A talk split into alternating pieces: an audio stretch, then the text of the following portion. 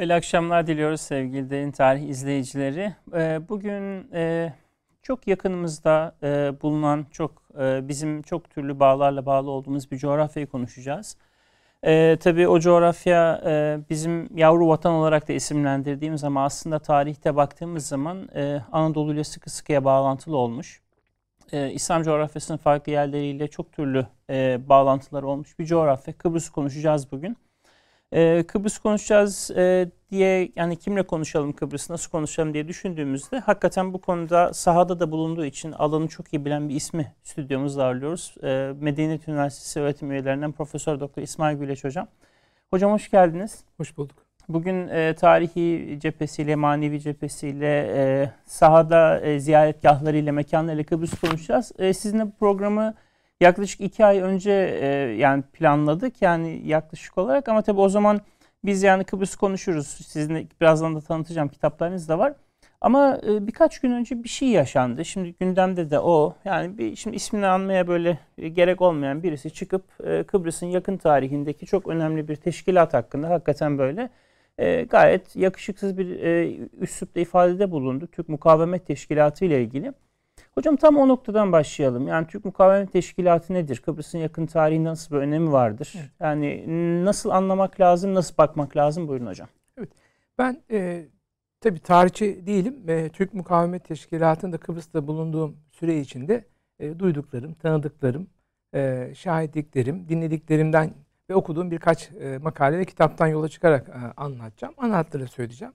E, daha derinlemesine bilgi almak isteyenler olursa onlar tabii literatüre takip etsinler. Şimdi e, bunu üzüldük tabii e, o tür şeyleri duyunca, okuyunca. Ben e, kararı izleyicilerimiz versin. Türk Mukavemet Te- Teşkilatı'nın kısaca TMT diye bilinen teşkilatın ne olduğundan ve nasıl doğduğundan bahsedelim. Bunun e, ne nasıl bir örgüt olduğunu izleyicilerimiz zaten kendileri anlayacaklardır. Şimdi 1950 yılı e, Kıbrıs Cumhuriyeti kuruluyor. Kıbrıs Birinci Dünya Savaşı bitiyor. Dünya yeniden kuruluyor. Birçok ülke kuruluyor. Onlardan bir tanesi de Birleşmiş Milletler vesaire işte bildiğiniz üzere e, Kıbrıs Cumhuriyeti kuruluyor. Cumhurbaşkanı Kıbrıs Rumlardan işte muavini Türklerden olmak üzere bir takım Türklere imtiyazlar veriliyormuş gibi görünen bir devlet. Fakat 3-4 sene geçmeden e, Yunanistan'a ilhakı söz konusu e, olmaya başlıyor. Yani Kıbrıs Rum'dur ve Yunanistan'a ilhak edilmelidir. Türkiye'nin travması var bu konuda. Biliyorsun daha önceden burnumuzun dibindeki adaları kaybettik. Midilli hele başlı başına bizim tarihimizde bir derin yara. Bizim devletimizin de bu konuda bir hassasiyeti var. Bizim de bir hassasiyetimiz var burada. Ee, ve biz bu Kıbrıs'ın da tekrar e, elden gitmesine rıza gösterecek durumda değiliz. Bu şekilde oldu bittiye getirip Yunanistan'ın ilhak olması Türkiye'nin kabul edebileceği bir şey değil. İşte 1954'lü yıllarda Grivas bu e, Kıbrıs doğumlu bir Yunan paşası. Bir Dünya Savaşı'nda Almanlara karşı e, yeraltı mücadelesi veren e, ama faşistliğiyle bilinen bir adam, bir paşa, asker. Yunanistan bunu Kıbrıs'a gönderiyor. Bir gizli silahlarla beraber götürüyorlar. O anda da Yunanistan, Kıbrıs'ta da İngilizler var. İngilizler hala etkin. 1953-54'lerde büyük bir pat, e, terör olayı gerçekleştiriyorlar ve işler o anda e, süreç başlamış oluyor. Tabii Türkler korkuyorlar ve ürküyorlar. Bir yani Rumlarla beraber yaşıyorlar. Beraber yaşadıkları için Rum köy çoğunluğun Rum olan yerdeki yerlerde yaşayan Türkler bir araya gelmeye ve daha güvenli gördükleri yerlere gitmeye başlıyorlar. Ve böyle bir e, göç olmaya, iç göç olmaya başlıyor Kıbrıs Türkler arasında. Bir kısmı bir de Kıbrıs Cumhuriyeti Adanın nüfusu zaten %20, e, %80 veya %25, %75 rakamlar değişiyor. E, Rum-Türk oranı. Bunu azaltmak istiyorlar. Azaltmak ne yapıyorlar? İşte bazen korkuyla bazen de para ile Kıbrıslı Türkleri işte İngiltere'ye, Avustralya'ya, Türkiye'ye göç etmek zorunda bırakıyorlar. İşte e, İngiltere, Avustralya'ya bazı teşvikler veriyorlar. Bir daha gelmek üzere giderse şu kadar para vesaire. Böylece maksat Kıbrıs'taki Türk nüfusunu azaltmak. Bir taraftan bunu yapıyorlar. Yetmiyormuş gibi öbür taraftan bir de tethiş hareketi. Yani Türkleri sindirme ve korkutma başlıyor. 1954'te o bombalamadan sonra bunlar biraz iyice azıtıyorlar. İngilizler tabii Türkler ve İngilizlere saldırıyorlar ama daha çok İngilizler hakim olduğu için orada üstleri müsteri var. Yani e, Yunanistan'a ilhak olmasının önünde engel olarak İngilizleri gördükleri için İngilizlere saldırıyorlar. Tabii Türkleri kolay lokma görüyorlar. Evet. Onları nasıl olsa hallederiz diye düşünüyorlar herhalde. Sonra 1956-57 yavaş yavaş Türkleri taciz etmeye başlıyorlar.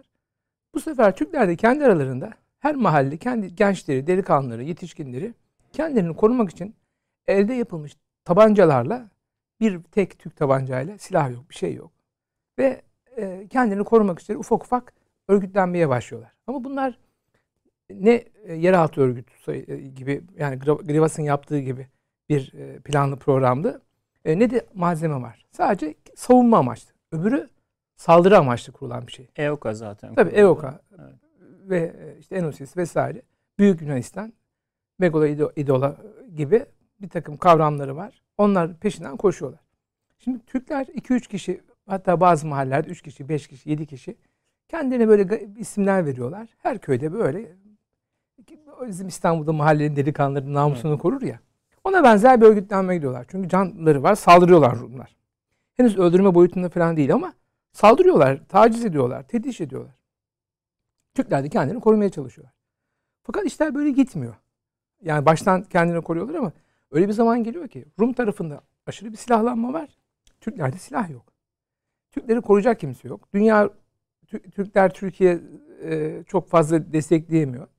Ve Türkiye olup bitenleri dışarıdan gözlemekle e, yetiniyor. Ama bir taraftan da takip ediyor tabii. Hepten, hepten ilgisiz de diyemeyiz. Derken e, o kanun var. 21 e, Aralık 1963. E, o işte bizim bir paş, e, doktor tabip e, subayımızın evet. e, eşini ve çocuklarını e, bugün işte Lefkoşa'da Barbarlık Müzesi olarak e, hala sergilenen evde vahşice şehit evet. ediyorlar, katlediyorlar. Tabii bu büyük bir infiale neden oluyor ve o anda işte bu işlerin böyle mahallede 3-5 kişiyle kurulanlarla, gençlerle olmayacağı anlaşılıyor. Ve Türkiye, Rauf Denktaş, işte Fazıl Küçük, Muhittin Nalbantoğlu gibi Kıbrıs davasının önde gelen isimleri işte Türkiye, Ankara'ya geliyorlar. Ankara'da geliş, e, bir takım görüşmeler yapılıyor. E, Kore gazilerinden, Kore'de bu e, yeraltı savaşlarını e, iyi bilen, e, gerilla faaliyetleri konusunda tecrübeli paşalardan birkaç tanesi görevlendiriliyor. Onlar da Kıbrıs'ı örgütlemeye başlıyorlar. Bir taraftan Erenköy üzerinden silah gönderiyorlar, silahları saklıyorlar. Ee, öbür taraftan da 15'li 25'er 20'li gruplar halinde Türkiye'ye getiriyorlar veya Kıbrıs'ta bir yerde belirlenen bir yerde eğitiyorlar. orada eğitiyorlar. Silah kullanmayı vesaire. Derken örgüt ama dünyanın en mükemmel örgütlerinden birini kuruyorlar. Çünkü öyle bir örgüt kuruyorlar ki kim kimse bu örgütün varlığından haberdar değil. Örgüt hakkında kimsenin bilgisi yok. En ufak istihbarat vermiyorlar. Çünkü diyelim en küçük ocak, ocak, yurt, işte arı, petek, bal gibi örgütlenme gibi isimler veriyorlar. Diyelim en, mahallede bir birim var. Beş kişiyiz. Biz beş kişi birimizi biliyoruz. Bir de bizim liderimiz var. Sancaklar, bayraklar gibi böyle isimler organizmayı çok güzel kuruyor. Organizasyonu çok güzel kuruyor Hı. Kur'an e, Paşa. Ve kimse kimseyi bilmiyor. Yukarıdaki de kimse tanımıyor. Yani bir bir numarayı da kimse bilmiyor. Onu da görmüyor. Çünkü güvenlik esas. Yani işlerin işi çok ciddi almışlar. Bütün tedbir alıyorlar. Böylece Türkiye'den gelen silahlar da vakti zamanında bir saldırı olduğu zaman çünkü Rum'un niyeti belli. Evet. Saldırıyor. Katliamlar Geçitkale, işte Erenköy, e, başka birkaç e, yerde e, Boğaziçi böyle Rum toplu katliamlar oluyor. Türkleri öldürüyorlar. Köylere saldırıyorlar Rumlar. Cesaretlenen ve şımaran Rumlar. Ve kendilerini korumaya başlıyorlar. İşte TMT dediğimiz e, yapı e, Türk Mukavemet Teşkilatı bu Rumların saldırgan ve e, ahlaksızca diyeceğim. Çünkü çoluk çocukları evet. hedef alıyorlar. Yani bir böyle tüfek tüfeğe karşı karşıya savaşmıyorlar. E, ve de ya zayıf buldukları anda saldırıyorlar ve de haktan ve adaletten uzak, hak olmadığı halde. Evet. Bir böyle bir saldırgan var, kitle var karşında. Ona karşı orada 500 yıldan beri yaşayan Türkler ayakta kalmaya ve var olmaya çalışıyorlar. Ayakta kalmak için, var olmak için de bir dayanışma örgütü kuruyorlar. Devlet değil, bir şey değil. O zaten TMT daha sonra da Türk KK, Kuzey Kıbrıs Türk Cumhuriyeti'nin temelini oluşturacak. Evet. Yani o yöneticileri hepsi daha sonra siyasetçi olacak, meclis olacak, bakan olacak, başbakan olacak, cumhurbaşkanı olacak. Evet. O zaman mücadele edenler. E, askerler bir kısmı asker subay olacak ve işte bugün Kıbrıs Türk Kıbrıs e, Türk Cumhuriyeti'nin kuran kadro onlar olacak. Evet. Ama o zamanlar bir Türk toplumuydu, Türk cemaatiydi. Evet. Şimdi başka bir cemaatin başka nasıl askeri topu olabilir ki? İşte e, bu teşkilatın e, nasıl bir şey olduğunu evet. savunmak üzere, oradaki mazlum Türklerin hakkını savunmak üzere kurulan ve bunun davasını güden bir şey. Sonu kaldı ki e, 74'te e, işte Samson e, Makaryos'u devirince e, bir hafta sonra işte 20 Temmuz'da da e, bizim Barış Harekatı, e, Barış Harekatı olunca birkaç günde Kıbrıs'ın hemen teslim alınması ve sulhun sağlanması işte o TMT sayesinde oldu. Evet. Oradaki e, yani lojistik ve e, sahayı çok iyi bilmeleri, lojistik destek vermeleri ve oradaki inanılmaz uyum yani Türk Silahlı Kuvvetleri ile TMT arasındaki o e, yapıyı kuran, e, iletişimi sağlayan o paşa tekrar burada yine hayırla yad edelim. Onun başarısı hakikaten o işleri çok kolaylaştırdı. Öbür türlü onca yokluğa dünyaya karşını dünya karşını almış iken, bütün dünya e, karşı iken böyle bir şey yapmak ve başarılı bir şekilde bitirmek kolay bir şey değil. Bugünlerden konuşmak çok kolay. Evet. Ama o günlerde o insanlar böyle bir taraftan açlık, bir taraftan yokluk, soğuk, kar, kış, ölüm, yiyecek yemek bulamamalar, hastalıklar. Kızılay bir taraftan yardım ediyor. Yani çok zor günlerdi. Evet. Ve bu zor günlerde o kız Kuzey e, yani Kıbrıs Türk'ünün ayakta durması için çalışan yani TMT demek Kuzey Kıbrıs e, Kıbrıs Türk'ü demek. Evet. Yani oradaki çünkü ufacık 14 yaşındaki çocuk da TMT. Evet. 25 yaşındaki delikanlı da hı hı. 45 yaşındaki babası da 60 yaşındaki dedesi de e, annesi de kız kardeşi de. Evet. Yani herkesin yani, hali. yani orada yapacak bir şey olan herkes bir şekilde TMT. Ve. TMT'nin de ismini güzel bir isim koymuşlar. Yani nasıl biz ordumuzda askerimize Mehmetçik diyoruz. Onlar da mücahit diyorlar. Evet. Ve hepsi mücahit. Yani o çünkü topluca böyle bir ayak yani bu e, Rumların saldırısına ve adayı ilhak etmesine karşı çoluk çocuk yani e, eşiktekinden beşiktekine kadar tabir edeceğimiz evet. her yaştan herkes yani yapabilecek ne geliyorsa elinden e, kum taşımak olabilir, e, patik örmek olur. Evet. Yani çünkü herkesin ihtiyaçları farklı farklı. Kim elinden ne geliyorsa hepsini yaptı. Dolayısıyla o mücadeleyi veren o e, Kıbrıs Türk'ü tepeden tırnağa çocuğundan büyüğüne kadar hepsi mücahit. Evet. Ve hepsi tabi e, onların arasında da e, her zaman olduğu gibi birkaç tane Rumları e, yakın olanlar, Rumları davrananlar falan da var ama onların sayıları çok az tabii. Onlar tabii. o dönemlerde. Yani TMT dediğimiz e, örgüt e, böyle bir şey. E, işte bu nasıl e, yani bu bunu kim sevmez? Kim bu TMT örgütüne e, eleştirir, hakaret eder veya tepki gösterir? İşte Rumlar tepki gösteriyorlardı, Yunanlar tepki gösteriyorlardı. Şimdi buna göre de izleyicilerimiz değerlendirsinler. Evet. Yani sizin de söylediğiniz gibi hocam yani bunu anlattıktan sonra herhalde e, insaflı bir izleyici, insaflı bir yani Türkiye'de yaşayan birisi herhalde TMT'ye Türk Mukavemet Teşkilatı'na e, bir terör örgütü ya da bir suikast örgütü işte söylendiği gibi maalesef yakıştırması yapamaz. Tam da bu iftira noktadan, atıyorsun tabii. Evet. Yani aleni iftira atıyorsun. Nasıl bir şey söyleyebilirsin? Yani? Evet. Kuvayi Milliye de şimdi yani bir de bir de bu Kuvayi Milliye'nin oradaki yansıması aslında bu. Yani evet, evet, bizim evet e, Anadolu'da işte o verilen mücadelenin bir benzerinde daha küçük ölçeklisini evet. e, orada veriliyor. Başka evet. bir şey değil. Yani işgal edilen her yerde aslında doğal refleks bu yani düşmana karşı elden ne geliyorsa yapmaya çalışmak. Hocam çok teşekkür ederim. Böyle bir başlangıç hakikaten e, hani başta da ifade ettiğim gibi programımıza karar verirken böyle bir gündem yoktu ama tam buradan sanki böyle bugün hani tam böyle bir gündem var. Kıbrıs'ı konuşalım gibi oldu. Çok da güzel oldu. Ee, biraz böyle hocam geri giderek hani biraz aslında hikayemizin başından almak istiyorum. Hani Kıbrıs'ın özellikle İslam'la tanışması, Müslümanların ilk oraya ayak basması ve e, hepimizin bildiği, muhtemelen izleyicilerimizin de ismini duydukları ve meşhur Hala Sultan, Hazreti Peygamber'in süt teyzesi. Şimdi e, sizin de elinde de şöyle bir e, ekranda göstererek bu şey yapmak istiyorum. Kıbrıs Müftüsü Hasan Hilmi Efendi'nin bir e, e. Hala Sultan'ın hal tercümesi var. Hocamızın da katkıda bulundu hazırlanmasında. Şöyle yakından da izleyicilerimiz görsünler. E, tam buradan hocam e, hem ilk dönem İslam fetihleri hem de Hala Sultan'la başlayalım istiyorum. Çünkü şu anda kabirler kadar olduğu için evet. çok kolay ziyaret edilemiyor. Evet, ama ziyaret etme hocam. imkanı buldum. Tamam. Ee, gittim. Ee, Ömer Sayit Güler bizim e, doktor öğrencimizdi. Şimdi doktor oldu. Ee, onunla beraber e, hazırladık o kitabı. Ee, Ömer hakikaten çok güzel, temiz e, çalıştı. Güzel bir çalışma oldu. Orada e, Hala Sultan'ınla ilgili Hilmi Efendi'nin yazmış olduğu bir yazma e, eseri yayınladı. Günümüz Türk, e, Türkçesiyle aktardık. Bir de metni koyduk. E, böyle bir yayın oldu. Güzel de bir yayın oldu. O kitabın varlığından da bizim Mehmet Yaşar Ertaş Hoca e, hat- e, haberdar etmişti. O elindeki bir nüshayı bize vermişti. Burada e, Vefa adını onun ismini zikredelim. Çünkü o bizi tanıtmasaydı böyle bir yazma var demeseydi biz de bunu yapamayacaktık. Evet. Dolayısıyla hocamıza da tekrar teşekkür ederim. Şimdi e, Hala Sultan e, aslında Kıbrıs'ta sembol isimlerinden bir tanesi.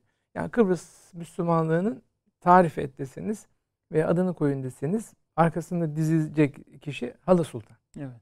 Yani onu bir kere çok mühim bir şey. Hala Sultan, Hala Sultan.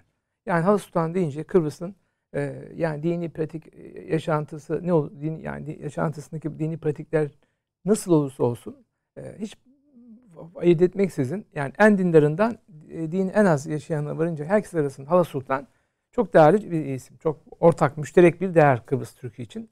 E, orada, orada bulunduğum süre içinde e, onu fark ettim. Hala Sultan dediğimiz işte Ümmü Haram bin, e, binti Milhan e, peygamberimizin Hüseyin Akgül Hoca'nın Hala Sultan'la ilgili e, çok güzel bir kitabı vardı. E, orada uzun, daha ayrıntılı e, anlatılıyor. Ben tabi o okuduklarımdan yine Hı hı. size e, söyleyeceğim. Çünkü ben dediğim gibi e, hadis şeyde Sahih Buhari'de ve Müsned'de de Hala Sultan'ın e, işte deniz seferine gittiğine dair olan hadis de var. Hı hı. Orada da geçiyor. Şimdi bizim İstanbul'da Eyüp Sultan neyse Evet. O kadar Orada da sembol. Sultan. Biz de bak Türkler demek sultan diyor. Eyüp Evet. Sultan diyoruz. Burada Eyüp Sultan Hazreti Ebu Ayyub Ensari. Evet. Bizden başka herhalde Eyüp Ebu Ayyub Ensari, Eyüp Sultan, diyen var mıdır? Sultan yok. Yoktur. diye- Biz Eyüp Sultan demişiz. Evet. Biz sevdiğimiz böyle Ehlullah'a sultan diyoruz. Sultan kabul ediyoruz. Başımız üzerine alıyoruz. Emir Sultan. Evet Çok Emir var. Sultan. Tabii. Yani bir dünya mülkünün sultanı var. Bir Evet. de mana mülkünün sultanı var. Evet. Gönüllerimizin sultanı var. İşte Ebu Ayyub Ensari de İstanbulluların gönüllerin sultanı. Evet. O neyse Kıbrıs'ta da Hala Sultan o. Evet. Bu bir 649 e, yılında e, Hazreti Osman döneminde Müslümanlar ilk defa Kıbrıs'a e, harekette bulunuyorlar. Bir deniz seferinden yapıyorlar. Hazreti e, tabi Muaviye bu konularda çok ateşli ve çok istekli sefer konusunda. Hazreti Ömer döneminde teşebbüste bulunuyor. Fakat Hazreti Ömer e, Habeşistan seferi esnasında deniz yolculuğuna çıkan e, Müslüman askerlerden e, işte olan bir e, kaza mı diyelim veya denizin e, geminin alabarı olması mı birçok Müslüman şehit oluyor Hmm. seferde. Dolayısıyla Hazreti Ömer de deniz seferlerine karşı e, bir bir Rezerv oluşuyor. evet, oluşmaya başlıyor. Evet. Duva- e, bir kendisine e, o konuda bir Tercih onda et- korku Evet, oluşmuş Evet. oluyor. E, Muaviye Ömer'den izin istiyor. Ben diyor Bizans'ın diyor bu e, burçlarına diyor hiçbir bir Müslümanın canını değişmem diyor. O yüzden diyor orası ben gördüğüm tehlikeli bir yer diyor. Gönderemem diyor. Habeşistan'a şeyimiz gittiğinde. Tabi Hazreti Ömer'den sonra Hazreti e, Osman e, halife oluyor. Muaviye tekrar söylüyor. Yani diyor tekrar diyor Kıbrıs'a sefer yapıyor. Hem de Şam valisi zaten. Şam valisi yakın hemen karşı karşıya. Evet. Sonra e, Hazreti Osman diyor ki ya bunu diyor bak Hazreti Ömer'in böyle bir şeyi vardı. Biz bunu gönüllülük esası üzerine kuralım. İsteyenlerden, gönüllü olanlardan Hmm. bir e, ordu, kuralım. kur ve onlarla git. İşte böylece gönüllü e, olan askerlerden sahabeler e, veya işte sahabenin o dönemin Müslümanları sefere çıkıyorlar. Sefere çıkarken tabi e, Ümmü Haram e, Hala Sultan 86 yaşında. Kocası e, Ubade bin Samit o da bir iki yaş büyük. Evet. E, Ebu Zer Gıfari var. Bunlar hep Evet. 80 yaşında 90 yaşında e, yaşlı insanlar. E şimdi akla şöyle bir şey gelebilir. Ya 80 kılıç yani yürümekten aciz, zor yürüyen biri. Seferde, Seferde ne çıkıyor? işi var yani? Evet. Düşmana savaşmış mı? Evet, hakikaten seferde bir şey yapamayabilir. Ama onların varlığı Motivasyon kaynağı. evet diğer Müslüman askerler için büyük bir motivasyon kaynağı. Evet. Onlardan güç alıyorlar, cesaret alıyorlar. Onların içlerinde bulunması sanki Hazreti Peygamber onlarla berabermiş gibi. Çünkü onlar hepsi Hazreti Peygamber'in sohbetinde bulundu ya. Evet.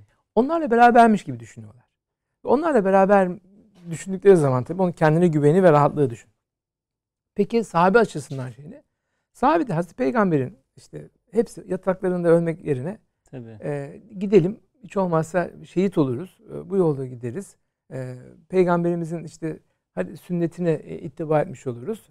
E, onun tavsiyelerine uymuş oluruz düşüncesiyle. Onlar da kendi açısından oturup kalmak yerine böyle bir hayırlı işin içinde bulunmuş olmayı e, tercih ediyorlar.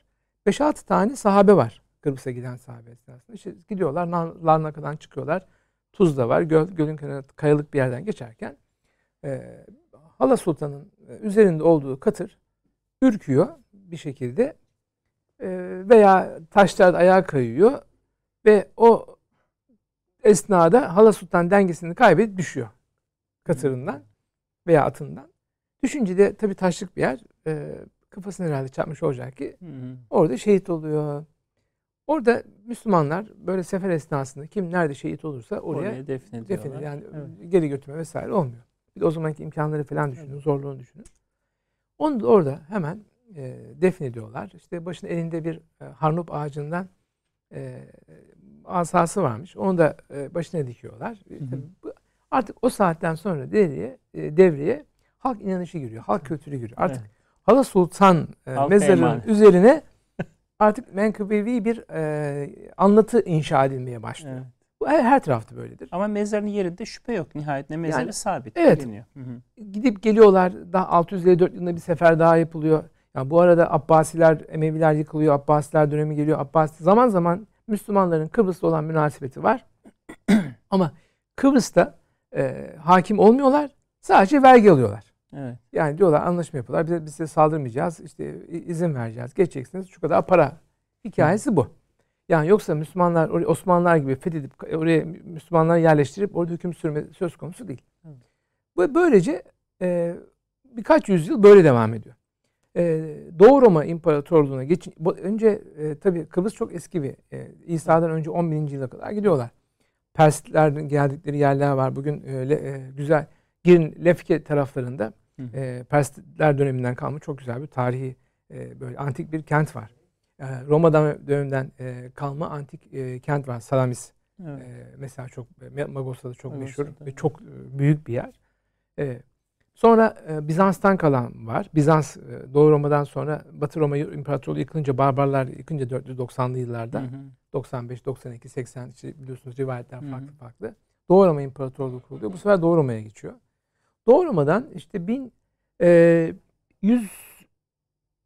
şeyden e, 1196 yılına kadar, Lüzinyanlar dönemine kadar e, Bizans tıkılıyor. 1196 12. asır Haçlı seferlerin olduğu 11. 12. Evet, asırlar. Evet. Bu Haçlı seferlerine giden e, aslan yürekli Richard hı hı. E, Kıbrıs bu e, Bizans Kıbrıs adasının vassalı veya valisi Bizans'a karşı çıkıyor. Buraların kralı benim falan diyor. O arada sefere şeye giden e, Haç Akka'yı fethe giden, e, yer almaya giden Richard oraya uğruyor. İşte onu tekrar e, sen bir aşağı indiriyor. Oraya kendi kendi mülkü ediniyor. Sonra Selahattin Eyyubi Kudüs'ü fethedince Kudüs krallığın olan yani çünkü Kudüs'te bir krallık kurmuş oluyorlar. Tabii. Kudüs krallığını alıyorlar, Kıbrıs'a taşıyorlar. Yakın ya. Evet. Dolayısıyla burada işte buna da işte Lüzinyan, e, Gayde Lüzinyan. Hı hı. Orada Lüzinyan dönemi başlıyor 1096 ve aslan yürekli Richard bunlara veriyor e, adayı, satıyor veya. Yani şimdi İngilizler e, ta adada hak iddia ederken işte o aslan yürekli Richard'ın evet. adayı alması ve onun vermesine kadar götürüyorlar.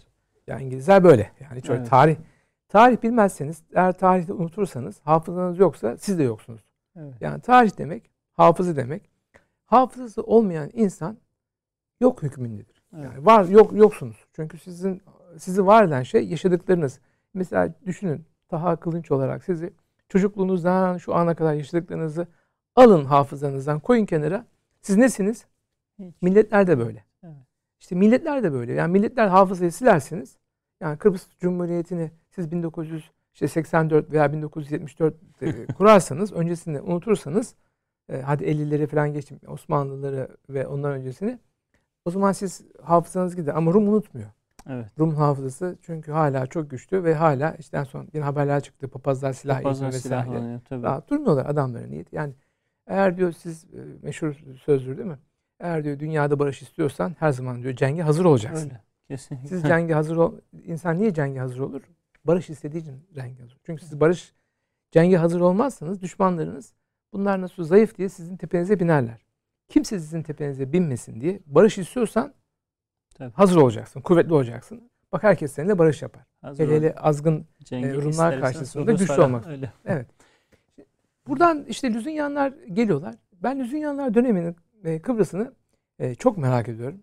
Çünkü Lüzünyanlar döneminden kalan binalar bu işte adayı Magosa'yı ve Lefkoşa'yı gezdiğim zaman gördüğümde çok e, yani 12. 13. yüzyıl e, Avrupa'daki mimarinin neyse o e, hepsini oraya yapmaya çalışıyorlar. Yani bir gelinlik kız süsler gibi şehri süslemişler. Lale Mustafa Paşa Camii de onlardan değil mi? Hepsi yani Hepsi. onların hepsi katedralleri falan yapıyorlar. Çünkü iki tane kral hem Kıbrıs kralı hem Kudüs kralı olduğu için çift şey e, Kıbrıs Evet. kralı aynı zamanda çünkü Kudüs bir gün geri alınacak ya. Evet. O yüzden orayı sadece nakletmiş oluyorlar. Ve Kıbrıs'ın e, bir de tarih boyunca Kıbrıs hep din e, e, din baskısından kaçanları ev sahipliği yapmış. Evet. Önce e, Yahudiler Romalılardan kaçan oraya geliyorlar. Sonra Hristiyanlar Romalılardan kaçıp oraya Aziz Pavlus, Barnabas Evet. ee, yani bu Pavlus'un mektuplarında Kıbrıs'a giderler Ee, ve e, Pavlus'un havariler arasında kabul edilmesini sağlayan Barnabas Kıbrıslı Yusuf Evet, adında Evet. e, bir Yahudi.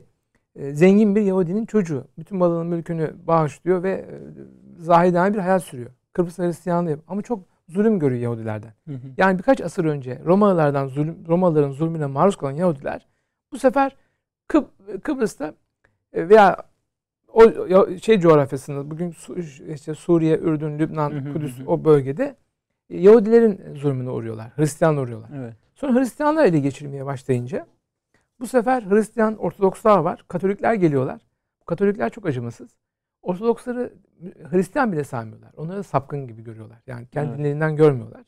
Ve bunlar bu sefer Katolik Hristiyanlar Kudüs Krallığı vesaire gelince oradan kaçan Ortodokslar, Süryaniler e, ve diğer Ortodoks Doğu Hristiyanları. Doğu Hristiyanları diyelim. evet. Onlar bu sefer Kıbrıs'a kaçıyorlar, geliyorlar. Dolayısıyla Kıbrıs'a gittiğiniz zaman e, çok farklı kiliseler görürsünüz. Farklı Evet. mezhepleri. E, yani sadece Katolik, e, Prote- Protestan tabii yok. E, Ortodoks, Hı hı. e, Bizans yanında bu yanında Süryaniler, Ermeniler, Hı hı. her neredeyse Hristiyan kavmin, Doğu Hristiyan kavminin kilisesini görürsünüz. Bunun nedeni işte Kıbrıs'ın hep oradan e, Evet. gelmeleri, kaçmaları. Yani Kıbrıs'ın çok yakın ya. Hı hı. Hem e, bir de dinlerin beşiği Orta Doğu. Böylece tarih boyunca sığınlanacak bir liman olmuş. O yüzden çok kültürlü, çok renkli bir mimarisi var. Hocam e, Hala Sultan'dan bahsettiniz ya hani bugün de hala yaşayan. E, Rumların bakış açısı çünkü Larnaka'da kalıyor kabir şu anda. Yani Evet. kendi topraklarında Müslümanların çok kıymet verdiği bir isim. Onların bakışı nasıl? Onlar bu 1950 olaylar esnasında orayı depo mepo gibi kullanıyorlar. Biraz e, hı. yani aslında uygun bir şekilde kullanmıyorlar. Ama daha sonra yapılan anlaşmalarda işte bu e, hep anlatılan hikayedir. E, 74 Barış e, an- e, zamanında e, Necmettin Erbakan işte Larnak Hala Sultan'a kadar gidin orada durun der. Hala Sultan Magosa'yla da bir saat yani Evet. bir saat daha gitse e, sonra biz barış yapacağı 5'e kadar ateşkes için vakit varken bizimkiler 2'de saat 2'de ateş dururlar. Oysa bir saat daha gitseler aşağıya alacaklar diye anlatırlar. Anlatılıyor. Ne evet. kadar doğru bilmem. E, yani bunu ama böyle hep bu hikaye anlatılan bir hikayedir. Burada da şu önemli. E, Allah rahmet eylesin her ikisine de e, hem Bülent Ecevit hem Necmettin Erbakan'a ikisi de işte böyle bir e, çok bize bugün üzerine konuşabileceğimiz yaşanabilen bir e, vatan için elinden geleni yapan iki büyük devlet adamı. Necmettin Erbakan işte. Diyor ki orada Hala Sultan var. İşte Hala Sultan'ı bilmese Evet. yani tarih dedik ya Evet. sizin bilginiz, hafızanız sizin istikametinizi tayin ediyor.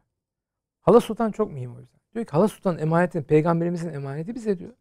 Oraya kadar gidip alalım. Evet. Çok yakın. Yani Hı hı. şöyle 30 35-40 kilometre bir şey var e, arada. E, oraya çok pekala gidilebilir.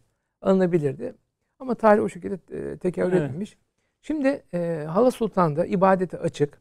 E, orada e, Kuzey Kıbrıs Türk Cumhuriyeti Din İşleri Başkanlığı'nın görevlendirdiği bir hoca efendi var. E, o orada hizmetlerde bulunuyor. Çok hayırlı hizmetlerde bulunuyor. Sonra orada e, gelen yabancılara e, bilgi veriyor. Özellikle biliyorsunuz Kıbrıs, Kuzey Kıbrıs'ta hiç büyükelçilik yok. Hı hı. Bütün e, diplomatik e, şefler, ve büyükelçiler güneyde. Oradan gelenler oluyorlar, ziyaret edenler oluyor. Hı hı. E, onlara orayı tanıtıyor, görüyor. Bir de e, Kıbrıslar, Kıbrıs Türkleri e, karşılıklı geçiş serbest olduğu için hafta sonları, bayramlarda, e, tatillerde, özel günlerinde veya ihtiyaç duydukları anda Hala Sultan'ı ziyaret etmeyi e, adet haline, e, babalarından, annelerinden kalan bir adet onlara yapıyorlar. Bir de e, aşağı geçmesine izin verilmeyen, yani Türkiye göçmeninden 74'ten sonra gö göçenleri vermiyorlar izin. Hmm. Onları da işte e, Mevlid Kandili'nde e, yine Din İşleri Başkanlığı'nın organize ettiği bir etkinlikle toplanıp otobüslerle bir gün gidilip orada Hala Sultan ziyaret edilip geri geliyor. Yani şu an Hala Sultan bakımlı, gayet e, güzel e, diyebiliriz, temiz, ibadet edilebilir durumda. Burada bir isme daha e, değinmek lazım. O da Şeyh Nazım Kıbrısi. Hı hı. E, bizim Türkiye'de Şeyh Nazım Kıbrısi'nin yaptıkları etikleri çok fazla e, bilinmiyor. E, ne, yani yaptıkların önemi evet. nelerle ve nasıl uğraştığı bize biraz e, sıradan gibi geliyor ama çok büyük işler yaptığını e, oraları Hı. gördükten sonra daha iyi anlıyor insan. Yine Şeyh Nazım dervişlerinden e, biri oranın hizmetini temizliğinden tutun da e, işte gelecek gelen diplomatlara ve misafir, yabancı misafirlere, misyon şeflerine orayı tanıtacak derecede bilgi vermeye varıncaya kadar hmm. sorumlular. E, o, o bakımdan da Allah gani gani tabi rahmet eylesin. E, onların dervişlerinden de Allah razı olsun. E, onlar var da işte onların ecdadın bırakmış olduğu bu tekkelere, türbelere e, sahip çıkıyorlar. E, onu da yeri gelmişken şimdi evet. buraya geldi. Evet. Söylemiş olayım. Yani Hala Sultan Kıbrıs e, Türk'ünün e, inancının tam böyle merkezinde olan evet. e, çok değerli, kutsal e, ve vazgeçilmez bir isim. Evet. Hocam şimdi tam bu noktadan e, şimdi tabii Kıbrıs deyince Türkiye'de malumunuz işte bir takım ön yargılar var, bir takım genellemeler var. İşte belki sadece bir kısım e, Kıbrıs'ı turistik bir ada olarak, bir tatil beldesi olarak görüyor vesaire. Ama şöyle bir şey söyleyeceğim. Şimdi elimde sizin farklı kitaplarınız da var. Onları da şöyle göstermek istiyorum. Onlardan mesela bir tanesi çok kıymetli. Kıbrıs Sosyal Bilimler Üniversitesi yayınlarından yine izleyicilerimize de göstereyim. Kıbrıs'ın Manevi Atlası. Ee, burada e, İsmail Hocam e, Kıbrıs'ta şöyle e, bir hani şehir şehir gezecek olsak karşımıza neler çıkar? Özellikle e, manevi açıdan Kıbrıs'ın e, kimliğini ortaya koyan mekanlarla ilgili gerçekten tam da kelimenin tam anlamıyla atlas ortaya koymuş. Yine elimde e, hocamın Lefkoşa Suriçi Rehberi, Gazi Mevzu'da Gezi Rehberi kitapları da var. Bunlar da hocam ben e, yayından önce de size söyledim. Yani Kıbrıs'a şöyle gide, gideyim ben e, Kıbrıs'ta şöyle nerede ne var bir bakayım dediğimizde hakikaten çok e, insana e, gerçekten rehberlik edecek kitaplar. Şöyle bir soru sorarak başlamak istiyorum hocam. Şimdi birisi dese ki hocam siz bu kitapları yazdınız bana şöyle bir tavsiye edin. Şimdi izleyicilerimize de onun hem kitapların özetinde bir nevi yapmış olacağız. Ben böyle Lefkoşa'dan başlayıp işte Girne'de, Gazi Güzel Yurt'ta, işte adanın farklı yerlerinde, işte e, belki işte Karpas tarafında e, ben gezmek istiyorum. Şöyle bir dolaşsam hangi önemli mekanlarla karşılaşırım? Yani her şehirde mutlaka şurayı mutlaka görsünler. Burası şöyle önemliyemiz. Birkaç örnekle böyle gidelim istiyorum da hocam.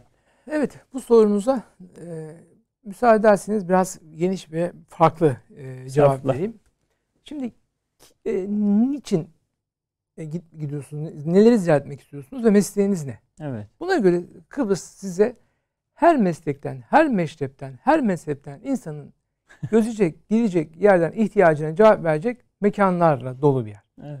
Ben Kıbrıs kadar Türkiye'de yani Türkiye'de işte İstanbul'u çıkartalım. Hı hı. Hani e, Bursa hı hı. nispeten. Kıbrıs kadar tarih e, bir esere sahip bir başka yer görmedim. Bilmiyorum. Evet.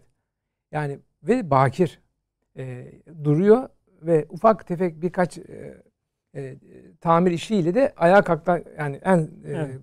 harabi olanı bile ayağa kalkılabilecek durumda. Yani bu bakımdan eşsiz bir yer. Ben şaşırdım. Ben ilk gittiğimde e, böyle bir yer beklemiyordum. Hocam e, gidiş vesilenizi de hatırlatalım. Evet. Hocam e, Kıbrıs Sosyal Üniversitesi, Bilimler Üniversitesi'nin kurucu rektörü olarak Kıbrıs'ta görev yaptığı sürede. Evet. O, gittiğim zaman orada ben şaşırdım. Lefkoşa'ya gittim. O Ayasofya, Lefkoşa Ayasofya'sı. Selimiye Camii'ni gördüğümde, çarşıyı, evleri, e, o türbeler, evler. Ve, ve ben büyük bir hayranlıkla baktım Kıbrıs'a ve çok sevdim. E, şöyle söyleyeyim, e, Kıbrıs böyle bir, bir günde, iki günde, üç günde gezilecek bir yer değil. Değil. Ben şimdi e, ama hiç de böyle üç günlük vaktim var ne yapmam diyorsanız da boş da durmayacaksınız. Hı hı. Onu da söyleyebiliriz tabii. Hı hı. Şimdi bir gün gideceksiniz gelecek yerler başka. Üç günlük başka bir haftalık başka olur. Kıbrıs'a deniz için gidebilirsiniz. Evet. Ama sadece denizde kalmayın. Diyelim Magosa'dasınız. Magosa'ya gittiniz denize giriyorsunuz. E, sabahtan akşama kadar denize giremezsiniz ki. Bir ara mola verip çıkıp eğer sanat tarihçiyseniz Kıbrıs sizin için inanılmaz bir e, gezilecek alan kaynak kaynıyor. Evet. Eğer Bizans tarihi çalışıyorsanız Bizans eserleri. Roma çalışıyorsanız Roma eserleri. Roma öncesi çalışıyorsanız Roma öncesi eserleri. Osmanlı çalışıyorsanız Osmanlı. Batı Haçlılar. Ha- Avrupa çalışıyorsanız Avrupa. Yani çünkü Fransa'daki o 13-14. asırdaki o mimari akımların hepsi Kıbrıs'ta da var. Hepsini görebilirsiniz. Hilafsız. Hı hı. Eğer dindar bir insansanız, böyle böyle dini hassasiyetleriniz varsa gittiniz. Kıbrıs sizin için yani gezmekle bitiremeyeceğiniz bir yer. Hala Sultan'a gidemeyebilirsiniz. Malum nedenden dolayı. Hı hı. Ama Kırklar Tekkesi var. Ee, Serdar Ömer Türbesi var e, Girne'de. Ee, işte Lefkoşa ve Magosa'nın içi türbe dolu.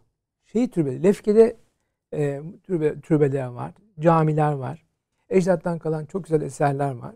Hele Lefkoşa sokak sokak gezecek, kapı kapı, ev ev görülecek bir yer. Evet. Ben e, boş vakitlerimde Lefkoşa'nın sokaklarına kendim atardım. Böyle bazen yani defalarca geçmeme rağmen her gittiğimde sokakta yeni bir şey görürdüm. Bu bazen bir evin kapısı olur, bazen penceresi olur, bazen evin e, mimarisinde bir detay olur, bazen hiç görmediğim bir ev olur.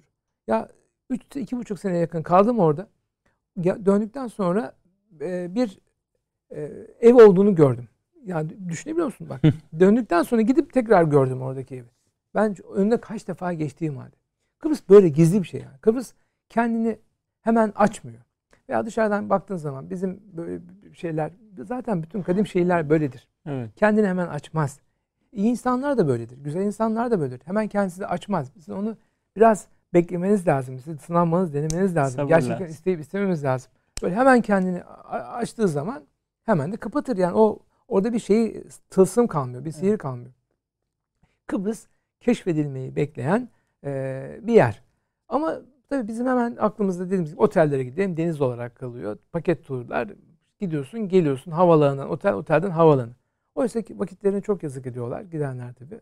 Öyle bir yere gitseler, görseler e, çok neler ol yani bu anlattıklarımdan çok daha fazlasının olduğunu görecekler. E, dediğim gibi dindar olsanız, e, dindar olmasanız, tarihi sevseniz, sanat tarihçi artık mesleğiniz neyse. Evet. Fotoğraf çekmeyi mi seviyorsunuz? Çok güzel fotoğraf çekler var. Dağcılığı mı seviyorsunuz? Tırmanmayı mı seviyorsunuz? İşte beş parmak dağları var. Kantara Kalesi'ne tırman. Veya bu yani gücün varsa Buffebonto Kalesi var. Tam böyle ortasında. Girne'nin, Girne'nin arkasında. Evet. Girne'ye Lefkoşa'nın arkasında böyle tepede. Veya Girne'nin daha e, batısında Sen Hil- Hilarion Kalesi var. Evet. Orayı orası en güzeli, en e, böyle gelişmişi orası. Sonra Kantara, bu Feonto biraz daha harabe halde. Şimdi yukarılara çık. Yani oralara git. E, yani niye biraz daha böyle persleri mi arıyorsun? Git e, Lefke'nin de batısına, Erenköy Lefke'nin de batısında e, bir yerler var. Orada hem antik Roma'dan kalan bir yer var, hem Perslerden kalan bir yer var. Oraları gör. E, Hani arkeoloji ve sanat tarihi ilgileniyorsanız. Yani ne ile ilgileniyorsanız Kıbrıs size onunla ilgili mutlaka cömert davranacak ve bir şeyler verecek. Boş kalmazsınız. E, ama bizim e, maalesef e, biz hep dediğiniz gibi Kıbrıs deyince e, işte TMT ile ilgili Evet, e, evet. gösterdiğimiz oradaki hassasiyet hala devam ediyor. Şunu unutmamak lazım.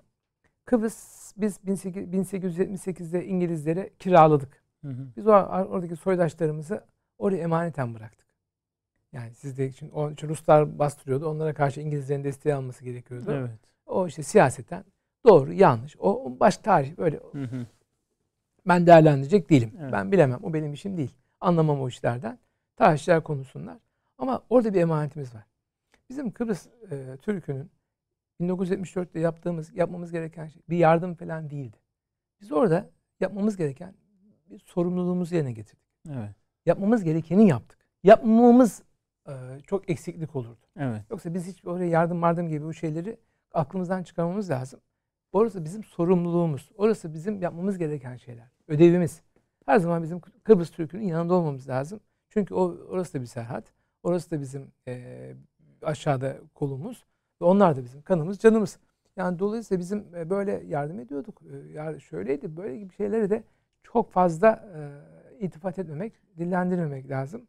E, orası da e, çünkü Kıbrıs Türk'ü özel bir özel bir insanlar. Şimdi biraz Anadolu Türk'ünden biraz daha farklı. Çünkü, çünkü ada halkı her şeyden önce. Adada yaşamak, ana kıtada yaşamaktan daha farklıdır. Evet. Yani mesela buradan tarih boyunca Osmanlılar e, oraya devamlı nüfus götürmüşler. Hep azalmış Türk. Geri dönüyorlar. Yaşayamıyorlar. Hmm. Çünkü ada bazıları adayı çok sever. Adaya da alışan e, yaş- adada yaşamak zordur. Herkes yaşayamaz. Onun psiko ada, adada yaşamanın psikolojisi var. Kıbrıs Allah'tan büyük bir ada. Evet. Bir küçük bir değil. Ona rağmen e, yine psiko adada yaşamanın kendine has bir takım zorlukları var. Kuşatılmışlık psikolojisi mi? Suyla kuşatılmakla ilgili Suyla ilgili artık onu e, o bir kere e, sınırlar olduğunu bileceksin. Hı hı. Adada yaşıyorsan kolay kolay kimseyi öldüremezsin. Kaçamazsın. Kaçamazsın çünkü. Yani bir şey, kolay kolay böyle birbirine muhtaçsın. Birbirini gözetmek zorundasın. Şimdi o yüzden Kıbrıslılar birbirine karşı çok dayanışma içindedirler. Niye? Çünkü birbirlerine muhtaçlar. Adadasın. Her şeyini kendin düşünsene bir fırtına çıkar adaya gemi gelmez, yapılamaz, edilemez. Böyle bir tarafı var. İkincisi ada olduğu için gemi, limanlar var ve devamlı bir sirkülasyon var. Yabancı gidiş. Yabancılar var. Ve bunlar da ister istemez e, ilişkileri daha profesyonelleştiriyor. Yani o samimiyet ve hani böyle adanmışlık vesaire gibi şeyler kenarlarda olmuyor. İşler daha profesyonelce oluyor. Yani biraz daha para kazanmak vesaire oluyor. Hı. Bu da işleri biraz daha farklı boyutlara götürebiliyor. Ee, biraz bu tabi devamlı gitmeler gelmeler paralar bir yerde para falan varsa günah da oluyor. ee, bir yerde nerede para çoksa orada günah da peşinden geliyor. Ee, yani bu, bu evet. tarih boyunca böyle olmuş. Evet. Örnekler vererek evet. uzatmayalım. Ve günahlar olmaya başlayınca bu sefer din de peşinden e, orada bir baskın evet. olmaya ona tepki olarak doğuyor. Bir de böyle bir tarafı var. Ama e, Kıbrıs Türk'ünün e, konuşmasının, atasözlerinin, deyimlerinin, türkülerinin, manilerinin e, Toroslardaki, et, Toros'un eteklerindeki köylüler, Türkmenlerden hiçbir farkı yoktur. E, bu örneği siz verdi verince ben e, Kıbrıs'a iki defa böyle baştan sona köy köy gezdim böyle bir arkadaşla böyle bir araç kiralayıp böyle iki defa farklı mevsimlerde farklı yerleri de görmek için. E, bahsettiğiniz o Torosların e, dikkatini ben de kendi Toros yörüklerinden olduğum için çok enteresan bir şekilde hocam. Benim e, rahmetli babaannemden duyduğum deyimleri oradaki Kıbrıslı yaşlı teyzelerden duydum ben. Yani Yazsınız. Çok yakın sonra işte Osmanlı döneminden Anamur'dan gitmiş paşalar var mesela hani orada e, şey yapmış görev yapmış. Bu bu etkileşim mesela işte o meşhur e, işte 74'teki Barış Harekatı'ndan sonra yapılan bir şarkı vardı. Benim çocukluğum o şarkıyı böyle işte e, yurdumun Mersin'den öte bir devamı var diye böyle. Şimdi özellikle bu aradaki bağlantıyı kurunca tabii insan için yani özellikle şimdiden bakınca biraz da tarihte okuyunca ilgilenince de hakikaten Kıbrıs e, doğal bir bağlantımız oluyor bahsettiğiniz gibi. Yani herhalde bugünkü böyle zihinlerdeki o dağınıklık yani Kıbrıs'la ilgili sadece işte birkaç böyle hani tatil paketinden ibaret görmek tabiri caizse adayı herhalde e, hem ilgisizlikten hem aradaki bağlantıyı kop kuramamaktan, tarihi okumamaktan. Yani bu açıdan yani bahsettiğiniz noktalar hakikaten çok önemli. Sadece Kıbrıs mı? Yani, yani. Doğu Rumeli'deki evet. Türkler, Batı Trakya'daki bunlar hepsi bizim evet. Sorumluluğumuz da yani. Onların evet. e, bir yerine e, yani saçlarının teline zarar gelse bizim rahat olmamamız lazım. Evet. Yani bizim müteyakkız olmamız lazım. Bizim onların yanında olduğumuzu bilirlerse onların saçının teline kimse dokunamaz. Evet. Eğer bizim onları desteklediğimizden şüphelenseler yaşatmazlar. Dolayısıyla bizim onların e, sadece dediğim gibi Kıbrıs başta olmak üzere hı hı. Batı Raka, Doğu e, Rumeli ve diğer coğrafyalardaki Türklerin hepsini e, bizim de yanlarında olduğumuz hissetmeleri lazım. E, bu açıdan da öyle. Toroslar ama oradan gidiyorlar zaten. Evet, evet. Yani Torosların Konya'dan tutun o Aydın, Muğla o bölgeden alıp e, oraya e, götürüyorlar. E, ve o, onların çocukları, e, evet. e, onların torunları. Bir, bir, bir bürokratlar gidiyor, Osmanlı bürokratlar gidiyor. Bazı bürokratlar Kıbrıs'ta olmamasına rağmen orayı seviyorlar. Orada kalıyor mesela, dönmüyor geri. Evet. Böyleleri de var.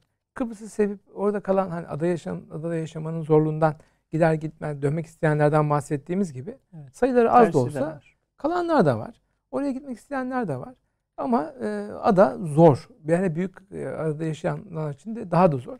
Sonra Kıbrıs'ın çok güzel yiyecekleri, içecekleri de var. Hı hı. E, Cemile var. Ben Cemile'yi Kıbrıs'taki Cemileler kadar güzel açan ve böyle gür ve adeta coşan aa, çiçek başka yerde görmedim. Yani belki tabii İstanbul'da Hı hı. e, mevsimler e, o kadar sıcak değil. O güneşi seven Evet. bir e, çiçek Cemile. O müthiş bir şey yani. Rengarenk böyle bir, görmüşsündür, dikkatini Hı. şey yapmışsındır. Çok da güzel. Yeme içme e, doğal. Ben e, Kıbrıs'taki yani şimdi biraz Türkiye'de sucuk konusunda sıkıntı çekiyoruz. Yani çocukluğumun sucuk tadını bulamıyorum. Evet. Yani alamıyorsun. Ama Kıbrıs'taki sucuk gittiğim zaman, aldığım zaman çocukken yediğim sucukları hatırladım. Yani bunu bütün e, turşulardan tut da bütün yiyeceklere e, e, düşünebilirsin. Niye? Çünkü hala orası e, bizim bizim gibi değil. Evet. O gelenek devam ediyor. Bir de Kıbrıs, şimdi bir, bir şey diyeceğim, çok garip gelecek. Kıbrıs bizden daha Osmanlı. Çok enteresan. Evet. Yani çünkü Efkaf orada. Şeyde onlar mesela e, Mevlid e, kandilinde tatil. E, Bütün hani vakıf- şeye vakıf- rağmen, vakıflar, değişimlere rağmen. vakıflar çok mühim. Yani Kıbrıs'ta bugün hala vakıflar çok çok önemli. Bugün hemen hemen bütün hali vakti yerinde Kıbrıslılar belli bir doyumu yaradıktan sonra kendi adlarına vakıf kuruyorlar. Bu da Osmanlı geleneği zaten. Bu gelenek işte vakıf geleneği.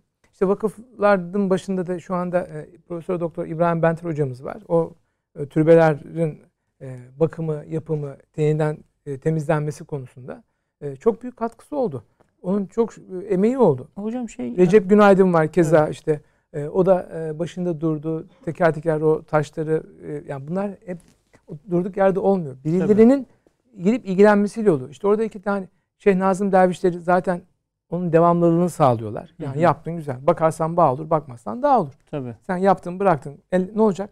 Hocam tam bu noktada zaten sıradaki sorum da onunla ilgiliydi. Şimdi günümüzde mesela bu mekanlara, türbelere, e, dergahlara ben mesela e, Kıbrıs seyahati sırasında Şeyh Nazım'ın dergahını çok enteresan bir tesadüfle e, öğrendim. Bir akşam vaktiydi. E, işte Lefke tarafından geçerken e, dedik akşam namazı kılacak bir yer bulalım. Bir iki camiye baktık kapalı. Uzakta bir tane minare gördük. İçeriye doğru ilerledik.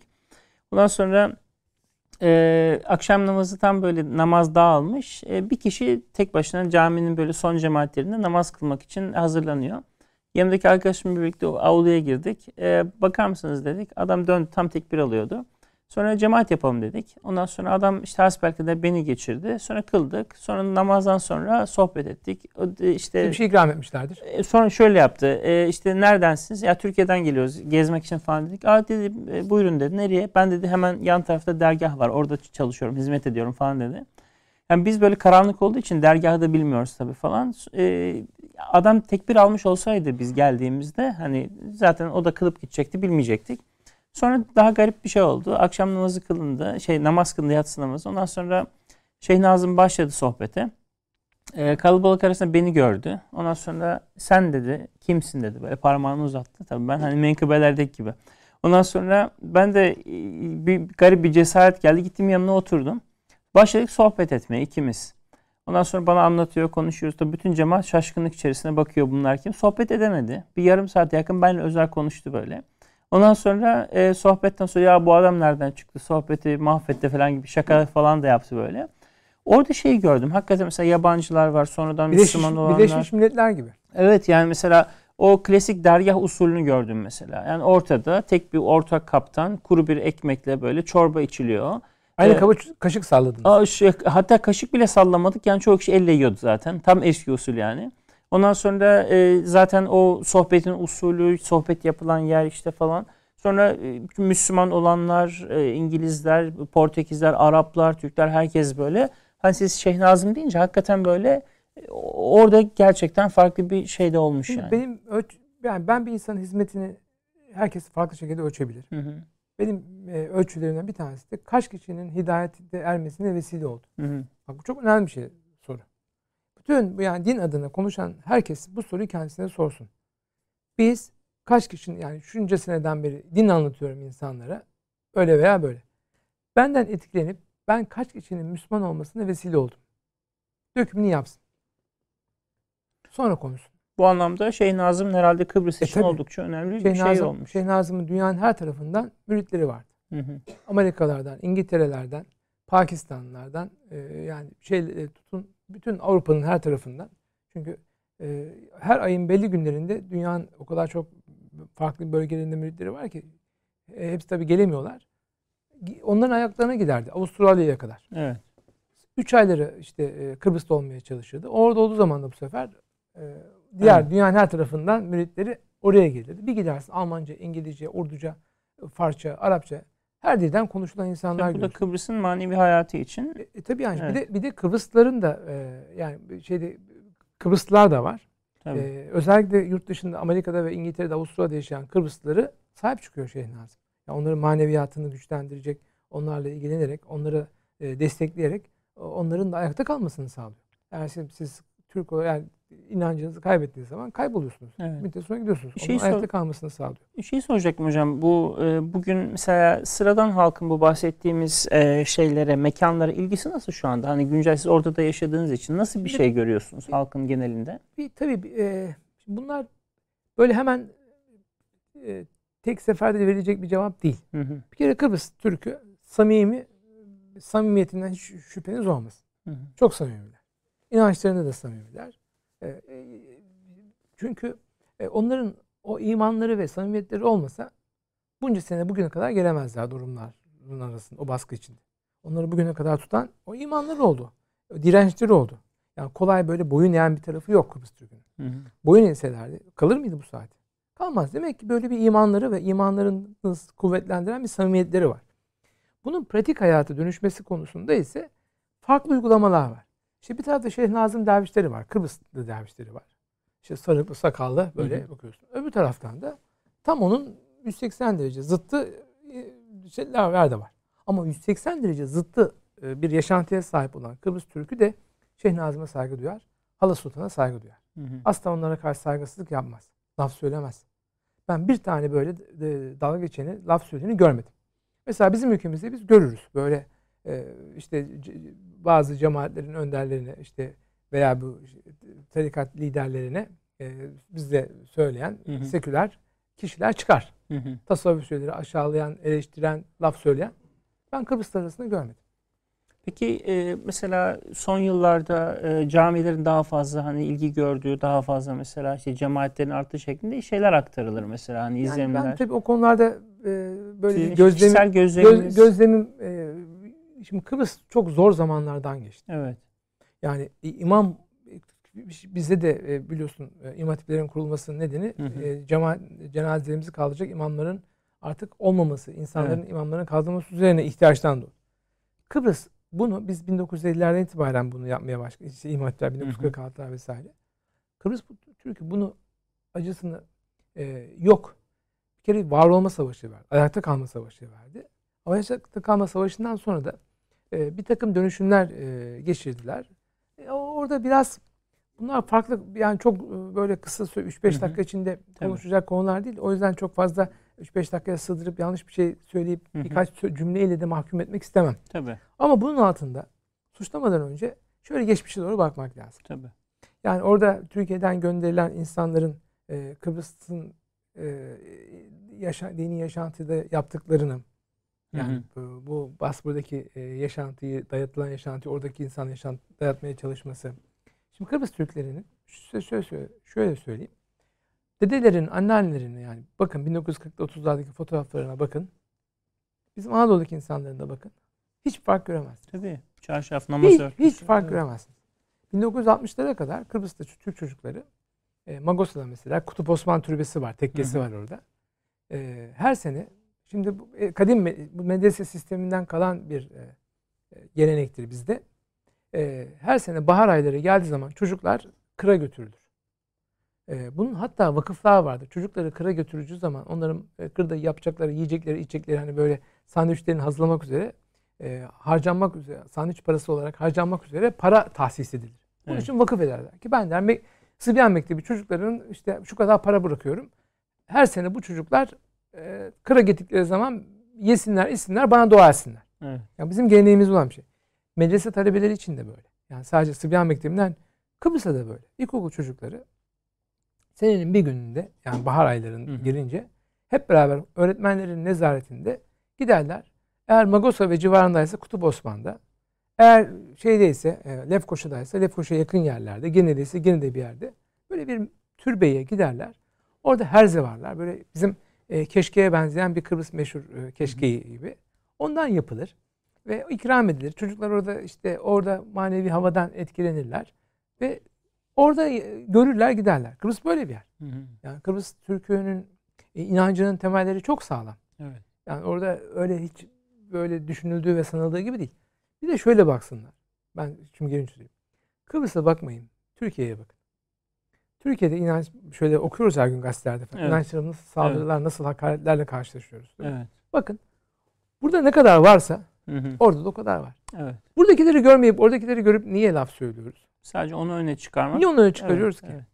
Orada da var, burada yok mu? Kıbrıs'ta birisi burada on. Evet. Hem sayı olarak çok daha fazla hem şiddet olarak çok daha fazla bizimkiler. Evet. Buradakiler. Yani dolayısıyla bu tip değerlendirmeleri de e, çok doğru bulmuyorum. Yani çok e, çünkü biz kendimize bakalım önce. Tabii. Biz Türkiye olarak çok dürüst, çok yani böyle bu bakımdan e, yani dindar insanlara yapılan hakaretler, saldırılar da her gün yani Allah fırsat vermesin. Hı hı. Yani neler olabileceğini düşünün. Neler yaşadık. Evet. Şimdi bunu saatlerce konuşuldu. Konu Hı hı. senelerden anlatılıyor. Yazıldı, çizildi. Yani şimdi bunlar çok e, birkaç sene öncesine kadar öyleydi. Hala da duyuyoruz. Evet. Allah tekrar fırsat vermesin. Yani dolayısıyla bu Kıbrıs'ı bu taraflarını çok fazla dile getirmemek yapmak lazım. Çünkü bizden neyse orası da. Onlar Evet. da şöyle, onlar da nihayetinde bizdeki gelişme süreci nasıl gelişiyorsa onlar da o şekilde de gelişiyor. Ee, ama e, Kıbrıs Türk'ünün ben e, samimiyetini ve imanını orada yaşadığım süre içinde gördüm.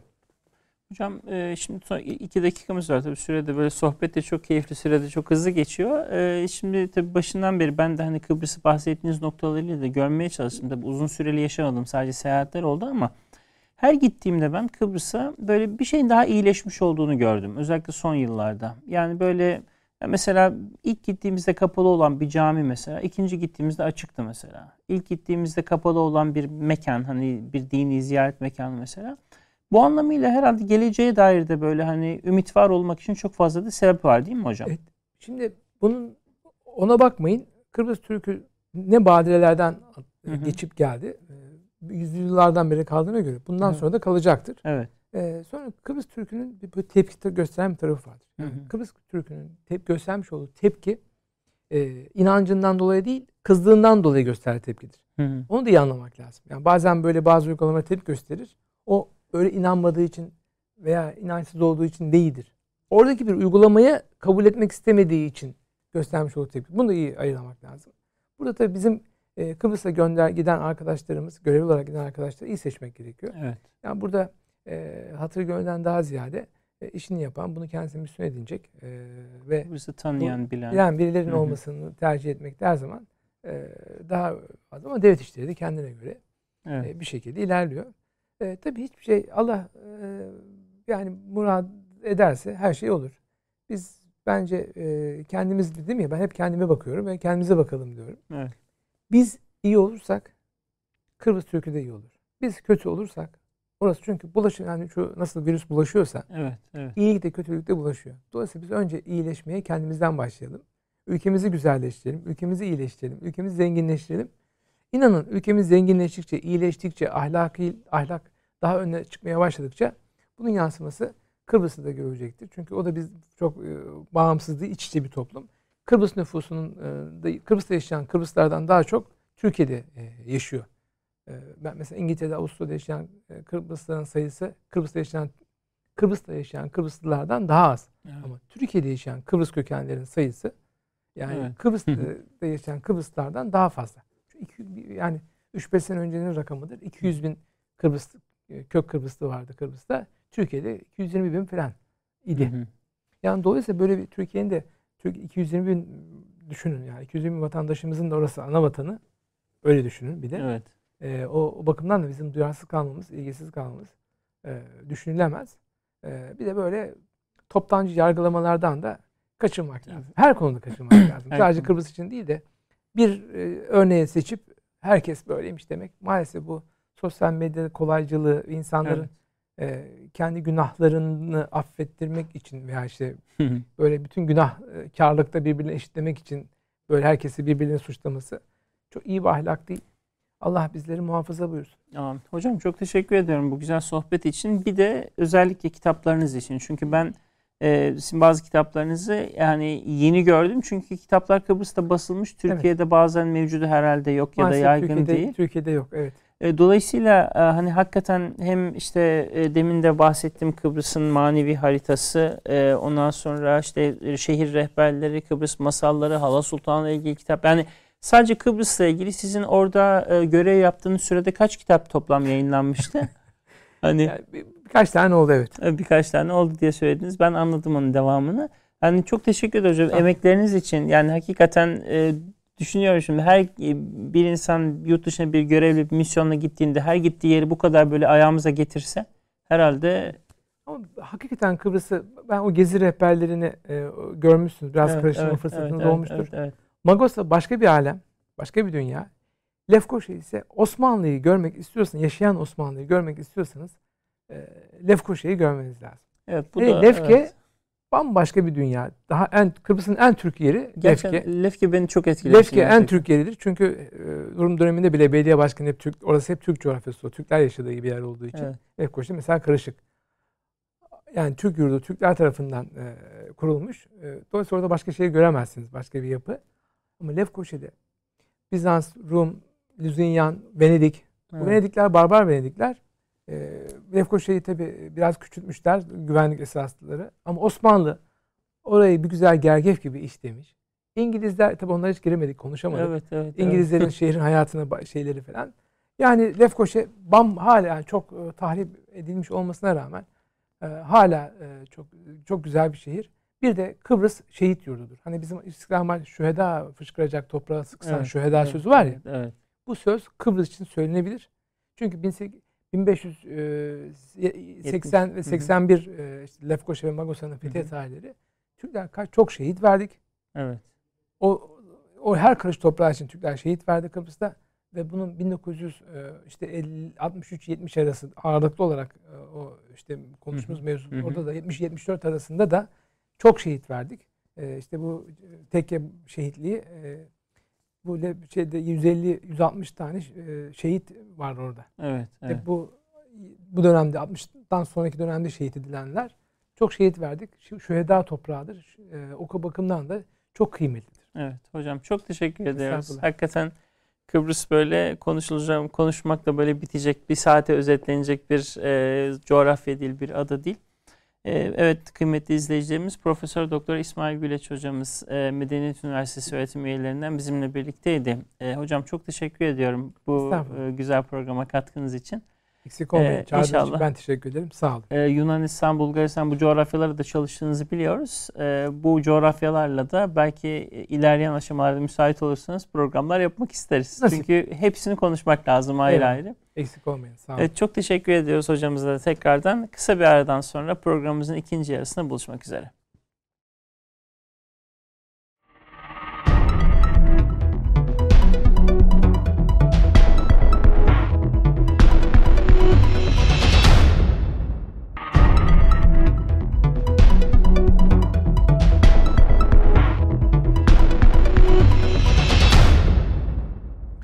Evet kıymetli izleyicilerimiz programımızın ikinci yarısıyla karşınızdayız. İkinci yarıda her hafta yaptığımız gibi önce bu hafta tarihten seçtiğimiz 5 tane başlığı size sunuyoruz. Ee, daha sonra da kitap tanıtımlarımız olacak. Ee, bu hafta birinci başlığımız e, Orta yakın tarihinden önemli bir e, ölüm haberi. 7 Şubat 1999'da Ürdün Kralı Hüseyin e, hayatını kaybetti. Ürdün Kralı Hüseyin kimdi? Ürdün 1921'de kurulup başına Şerif Hüseyin'in oğlu Emir Abdullah geçirildikten sonra e, kısa bir dönem yaklaşık bir yıl kadar oğlu Talal daha sonra Hüseyin e, 1951'de öldürüldükten e, Abdullah öldürüldükten sonra başa geçti. Onun oğlu Hüseyin de yani kurucu kral Abdullah'ın torunu da 1952'de babasının yerine tahta geçti ve 1999'a kadar e, Orta Doğu yakın tarihinin çok kısa bir zaman öncesine kadar en uzun süre tahta kalan ismiydi. E, ki e, bu ünvan şu anda Umman Sultanı Kabus tarafından e, e, geçilmiş durumda. E, Kral Hüseyin tabi çok ilginç bir zaman diliminde e, Ürdün'ün başındaydı. Ürdün e, herhangi bir doğal kaynağı olmayan tümüyle dış yardımlarla ve bölgesel dengelerle ayakta duran bir ülke olduğu için e, Kral Hüseyin'in 1952'den 99'a kadar 1999'a kadar devam eden o uzun yönetim boyunca e, aslında e, bir ülkeyi ayakta tutmayı da başaran önemli bir yönetici olduğunu da ispatladı. Tabi bu süreçte 1994'te İsrail Barış Anlaşması imzalayarak e, İsrail'le barış yapan ikinci Arap ülkesi oldu. Kral Hüseyin yine kendi döneminde. Birinci başlığımız bu hafta 7 Şubat 1999'da Ürdün Kralı Hüseyin'in ölümüydü. Bu haftanın tarihte bu haftasının birinci başlığı olarak. İkinci başlığımız yine e, yakın tarihimizden bu defa Irak'tan 8 Şubat 1963'te Baas Partisi Irak'ta askeri darbe yoluyla iktidara geldi. E, bir ay sonra 8 Nisan 1963'te Suriye'de de Baas Partisi iktidara gelecek. E, ama tarihteki o Irak, Bağdat ve Şam çekişmesi ve rekabeti gibi iki Baas Partisi yani Şam Baas Partisi ve Bağdat'taki Baas Partisi sürekli bir mücadele içinde olacak. E, Baas Partisi tabi sürekli 63'ten sonra Irak'taki Baas Partisi kendi içerisinde sürekli mücadeleler ve iç darbelerle sarsıldı.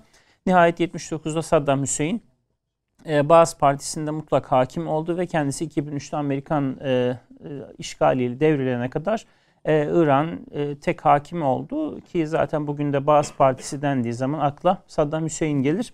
Dolayısıyla bu haftaki ikinci başlığımız 8 Şubat 1963'te Irak'ta Baas Partisi'nin askeri darbeyle iş başına gelmesi oldu. Üçüncü başlığımız 10 Şubat 1918'de Sultan II. Abdülhamit'in İstanbul'da Beylerbeyi Sarayı'ndaki vefatı e, imparatorluğun grup vaktinde yani artık o güneşin, o ihtişamlı güneşin, o parlak güneşin batmaya doğru gittiği bir vakitte 33 yıl boyunca gerçekten tam bir kurtlar sofrası olan bir e, coğrafyada e, imparatorluğu dağıtmamak için, ayakta tutmak için gerçekten olağanüstü bir, olağanüstü bir mücadele verdi e, merhum Sultan Abdülhamit e, ve kendisi devrildikten sonra e, bir süre Selanik'te sürgün kaldı. Daha sonra da e, İstanbul'a tekrar geri getirildi ve İstanbul'da e, vefat etti. Tabii e, Abdülhamit'in bir sözünü de hatırlamak lazım. Bir, biz der merhum sultan çadırımızı sırtlanların geçiş yerine kurmuşuz. Yani herhalde e, ülkemizin kurulmuş olduğu coğrafyanın Osmanlı'nın merkez coğrafyasının bundan daha veciz bir ifadesi olamaz. Bu vesileyle e, Sultan II. Abdülhamid'e de tekrar e, rahmetleri, rahmet e, niyazlarımızı e, iletiyoruz kendisi için. Bu haftaki dördüncü başlığımız 11 Şubat 1936'dan e, şu anda ekranlarda da fotoğraflarını gördüğünüz büyük bir kar fırtınası yaşandı İstanbul'da. Tabii şimdi İstanbul'da yakın dönemde yaşanınca e, bir de küresel ısınma tartışmaları da olduğu için insanlar e, tabii tarihte çok dikkatli okunmadığı için artık bundan sonra hiç kış gelmeyecek gibi düşünebilirlerdi. Ama kış hala yaşanıyor. Ama İstanbul en ciddi kışlarından bir tanesini 1936'nın 11 Şubat günü yaşadı. E, fotoğraflarda da gördüğünüz gibi ciddi bir fırtına eşliğinde tabii hem Boğaz hem Marmara e, tamamen böyle cuşu huruşa gelerek etrafı tamamen yakıp yıkarak sahildeki yakın yerlerdeki birçok e, evi ve e, limanları, dalga kıranları tamamen yok ederek ama aynı zamanda da e, tabii kar fırtınası da hem hayatı felç etti e, ama aynı zamanda da çıkan fırtına sebebiyle Galata Köprüsü üç parçaya bölündü. İstanbul'daki büyük camilerin minarelerinin külahları uçtu ve çok ciddi bir doğal afet yaşanmış oldu. Tarih 11 Şubat 1936. Şu anda ekranlarınızda da zaten o afetten çekilmiş gerçekten böyle kıyameti andıran görüntüler geçiyor. Bu haftaki 5. başlığımızda 12 Şubat 1920'den Maraş'ın düşman işgalinden kurtuluş Osmanlı İmparatorluğu dağıldıktan sonra Sykes-Picot Anlaşması'nın gereği olarak e, Anadolu'nun da bir kısmının içinde bulunduğu geniş bir coğrafya Fransızların kontrolüne verilmişti. Ee, güneyde İngilizler, kuzeyde Fransızlar olmak üzere coğrafyayı böylece ikiye parçaladılar meşhur anlaşmayla. E, fakat e, Sütçü İmam başta olmak üzere Maraş halkının göstermiş olduğu gerçekten o sıra dışı direnişle e, düşman çok e, 22 gün gibi bir süre içerisinde e, kovuldu ve düşman işgalinden kurtuldu Maraş 12 Şubat 1920'de. E, bu vesileyle Sütçü İmam ve onun e, arkadaşlarına, mücadele arkadaşlarına, o dönemin bütün kahramanlarına e, rahmet niyazlarımızı gönderiyoruz. Ruhları şad olsun diyoruz. Şimdi gelelim kitap tavsiyelerimize. E, bu haftaki birinci kitap tavsiyemiz e, yakın tarihin bizim e, özellikle Türkiye'de e, akademik camianın da yakından tanıdığı ama sadece akademik yönüyle değil gerçekten hoş sohbetiyle, sıra dışı kişiliğiyle, rint meşrep tabiatıyla çok sevilen e, Ali Murat Daryal hocamızın E, İnsan ve Gerçek başlıklı radyo sohbetleri. E, Ali Murat Hoca'nın yapmış olduğu 1994-96 yılları arasındaki radyo konuşmalarından oluşuyor. Yani konuyla yaptığı konuşmalar. Kimler var? İlginç bir liste var. e, okuduğum zaman konuya ilgili okurlarımız kitabın kıymetini de anlayacaklar böylece.